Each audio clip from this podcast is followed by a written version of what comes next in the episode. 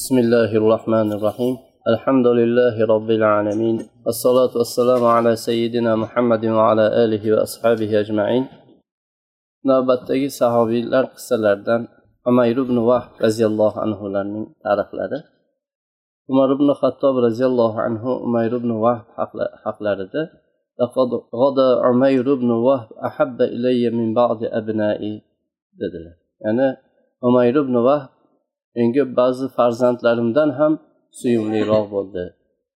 Yana bu qissani boshlanishi umayr ibn vahbni badr g'azotidan keyin u kishini hali shirk tarafida mushriklar dinida ahvolidan boshlanadi.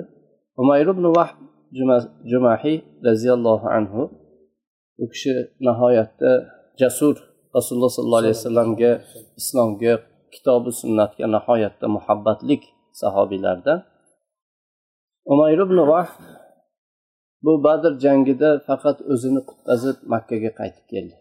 Lekin o'g'li vahbni musulmonlar qo'lida madinada asr qoldirib kelgan edi. Umayr bu otasini jinoyati bilan otasini rasululloh sollallohu alayhi vasallamga bergan ozorlari va sahobalarga yetkazgan azob uqubatlarining jazosiga otasini gunohi bilan o'g'liga azob berishdan qo'rqadi asir bo'lib qoldi lekin tashvishi shu o'g'lida edi. Meni gunohimga meni qilmishimga bo'lib unga qattiq azob berishadi deb shundan qo'rqib yurardi. Bir kun ertalab choshgoh vaqtida umayr ibn vahb masjidga kabani tavof qilib kabadagi butlarni tabarruk qilishlikka shu kabani oldiga bordi. U yerda makka sayidlaridan biri safvon ibn umayya bor edi. Hijr hijrni oldida yana kabani oldida hijri ismoil deyiladi. Bunday yumaloq nimadan tosh oqcha. Shu yerda o'tirgan edi. Kaba soyasida o'tirgan edi. Umayr uni oldiga keldi. Kelib xayrli sabohlar dedi qurayshning sayidi dedi. Safvon unga ang sabohan deb u ham shu mushriklarni johillarda bo'ladigan shu salomi bilan u ham javob berdi. O'tir bir biroz gaplashib o'tiramiz dedi. Chunki vaqtni endi bu gap bilan vaqtni o'tkazamiz dedi. Ya'ni ularga bu badr g'azotidagi mag'lubiyat juda ko'p. Makkaning katta sayyidlari badrda yetmish kishi o'lgan edi yana yetmishdan ortiq asrga tushgan edi. Bu nihoyatda katta e, musibat bo'lib tushgan edi. Birini o'g'li birini dadasi yo asirga tushgan yo o'lgan shunaqalar. Butun saidlarni atrofidagilar shunday bo'lgan edi. Shunga vaqt o'tkazish uchun endi gaplashib hasratlashib o'tirib vaqt o'tkazish kerak. Umayr safvonni qarshisiga kelib o'tirdi. Bu ikkalasi badrni eslay boshlashdi. Badrdagi bularni boshlariga tushgan katta musibatni eslashdi. Keyin asrlarni ular sanay boshladi. Rasululloh sollallohu alayhi vasallam va sahobalar qo'llariga tushib qolgan asllarni palonchi ham yo'q u ham asl tushgan deb shu eslariga kelganini shu birma bir hammasini sanashardi. Va musulmonlarni qilichlari qatl etgan. Va u yerdagi chuqurlik ya'ni quduq o'zini tubiga yutgan o'zlaridan o'tgan qurashlarning kattalariga juda qattiq Ah, oh chekib musibat tortishadi shunda saffon bir xo'rsinib turib aytdiki endi dedi ollohga qasamki ulardan keyin yashashda bir qizig'i qolmadi. Yani shunday kattalarimiz hammasi o'lib ketdi endi hayotni qizig'i qolmadi dedi. Shunda umayr rost aytasan dedi. Keyin ozgina jim qolishdida umayr aytdiki kabaning robbisiga qasam agar men o'tashim kerak bo'lgan bo'ynimdagi qarzlarim bo'lmaganida keyin men borsamu manga bir narsa bo'lsa mendan keyin e, bu sarson bo'ladigan farzandlarim bola chaqam bo'lmaganida muhammadni oldiga o'zim borib o'zim uni qatl qilardim. O'zim o'ldirardim. Va uni ishini tamoman kesib yomonligiga o'zim kifoya qilardim dedi. Keyin yana past ovozda ergashtirib davom ettirib aytdiki hozir o'g'lim ularni qo'lida turibdi. Men madinaga borsam bir shubha qo'zg'atadigan holat yo'q dedi. Hamma borib kelyapti shular qatorida. Men borsam meni borishimdan ham ular shubhaga tushmaydigan qulay vaqt edi dedi. Safon ibn umayya said ya'ni quraysh sayyidlaridan umayrni bu so'zini u darrov g'animat bildi. Qo'ldan chiqarmadi. Bunday fursat qo'ldan ketishlikni xohlamadi. Umayrga qarab aytdiki ey umar qarzingni hammasini man to'layman. Bola chaqang qancha bo'lsa ham man beraman qarzingni men meni gardanimga bo'lsin dedi. Ammo bola chaqang farzandlaring ularni men o'zimni farzandlarimga qo'shib olaman to meni tirik ekanman yoki ular tirik shu dunyoda bor ekan men qarayman meni molim ko'p hammasiga yetib ortadi dedi dunyoyim bor. Ularga hozirgidan ko'ra yaxshiroq farovon yashashga yetadigan dunyoyim bor. Umayr unday bo'lsa bu ikkalamizni o'rtamizda sir bo'lsin dedi. Hech kimga buni xabar bermadi. Safon shunday bo'lsin san aytgancha bo'lsin. Umayr masjiddan chiqdi. Uni ichida muhammad sollallohu alayhi vasallamga bo'lgan g'azab alangalari shunday yonar edi. Keyin qasd qilgan bu do'sti bilan kelishgan ishi ishini bajarishlikka tayyorgarlik ko'ra boshladi. Buni safaridan biror kishi shubhaga tushib qolishlikdan bu qo'rqar edi chunki qurayshlardan yana bunda qo'rqadigan joyi yo'q edi. Qurayshlardan asl tushib qolganlarga asrni asrlarni egalari madinaga borib kelib turishardi. Shu asrlarni orqasidan pul olib borib berib fidyasini berib qutqazib olgan shunaqa borib kelish bor edi. Umayr ibn vahb qilichini olib borib ustaga buyurdi. Qilichi o'tkirlandi va qilichini zaharladi. Qilichini zaharladi ya'ni teksa qatl qiladigan qilib zaharladi. Keyin tuyasini buyurdi tuyasi ham tayyorlandi unga olib kelindi. Tuyasiga minib madinani qasd qilib butun ichi ich ichi g'azabga adovatga yomonlikka to'la to'lib toshib madinaga qarab ketdi.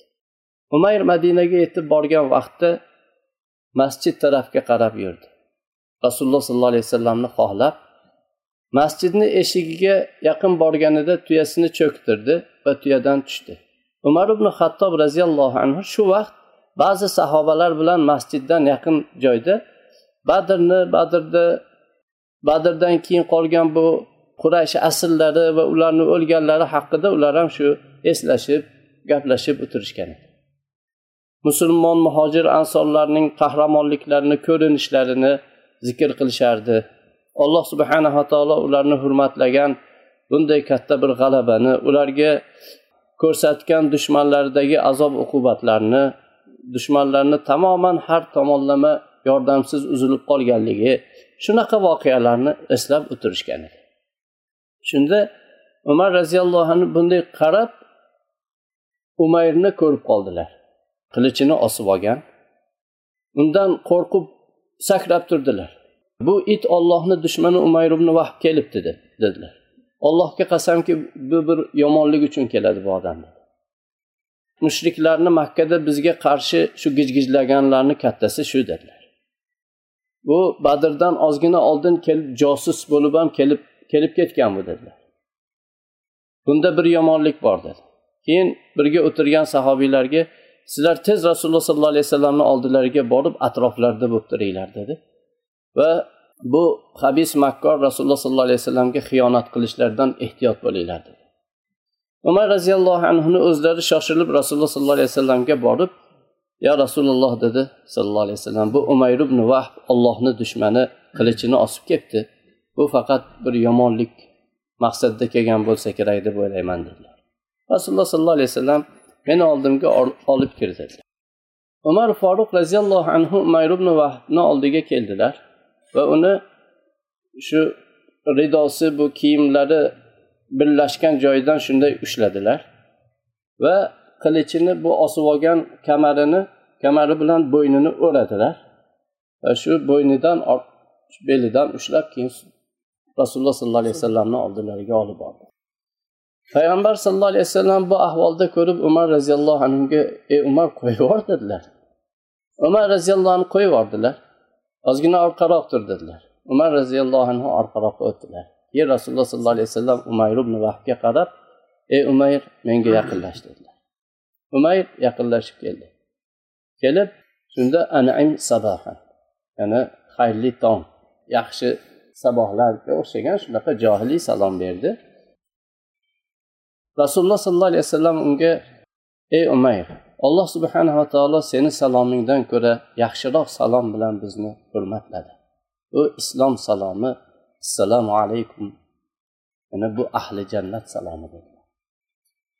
Bunga biz ham rioya qilishimiz kerak. Bo'pti yaxshi yotib turinglar. Hormanglar yaxshi o'tiribsizlarmi emas. Assalomu alaykum. Alloh taolo butun johiliyat salomlarini o'rniga bizni shu bilan hurmatlagan va bu ahli jannatlarni bir biriga beradigan salom. Assalomu alaykum. Allohni ofiyatini allohni rahmatini so'rab bir birimizga shunday salom berishlik. Shunday salomni olloh bizga inom qildi dedilar.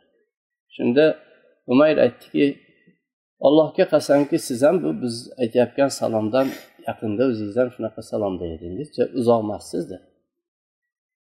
Rasululloh sollallohu alayhi vasallam ey umayr nimaga kelding? dedilar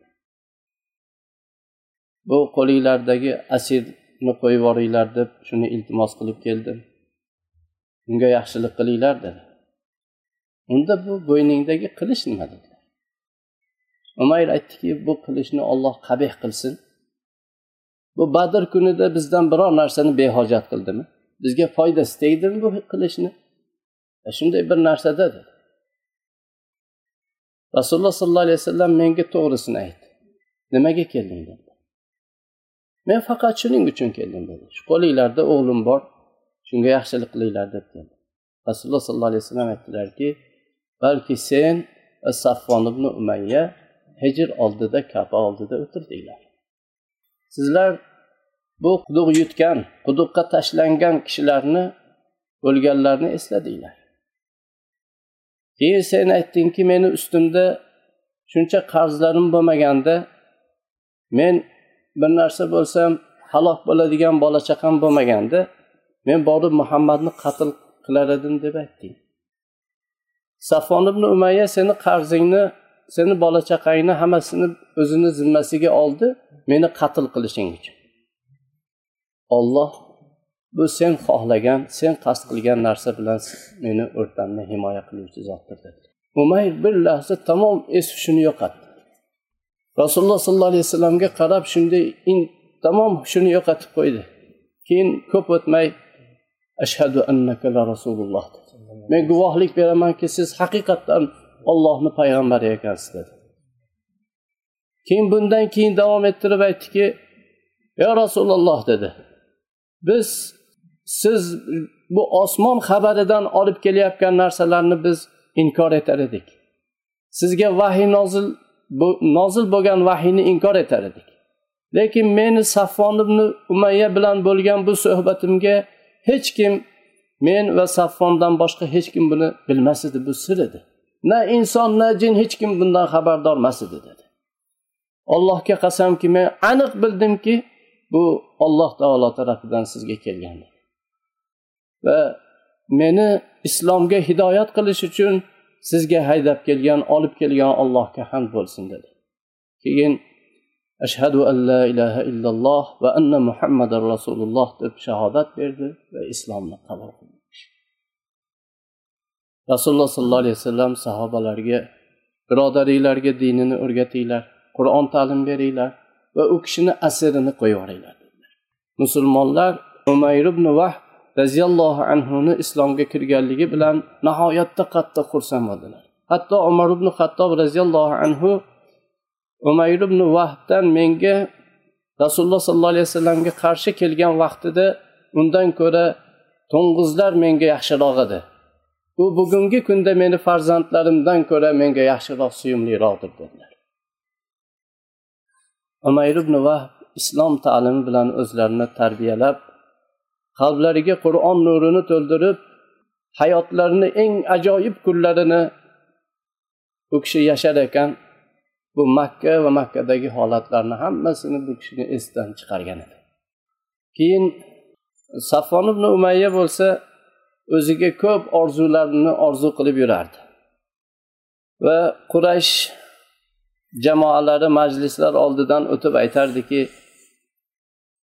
yaqinda bir katta keladigan xushxabar bilan xursand bo'lasizlar. Bu sizlarga butun badr voqeasini esinglardan chiqaradi deb ularga aytib shunday kutib yurardi. Keyin bu kutish saffon ibn umayyaga juda cho'zilib ketdi uzoq kutdi. Keyin asta sekin u unga xavotirlik kira boshladi. Hatto cho'qqa o'tirib olgan odamga o'xshash bo'lib qoldi pitirchilab qoldi. O'tgan ketgan karvonlardan umayr ibn vahb haqida so'rardi. Va hech bir uni qoniqtiradigan javob topolmasdi. Bilmadik shu yuribdi ko'rdik shu bir mujmal javoblarni eshitardi hatto bir kun bir karvon kelib aytdiki umayr musulmon bo'lgan deb bu xabar saffonga bir yashin tushganday bo'ldi.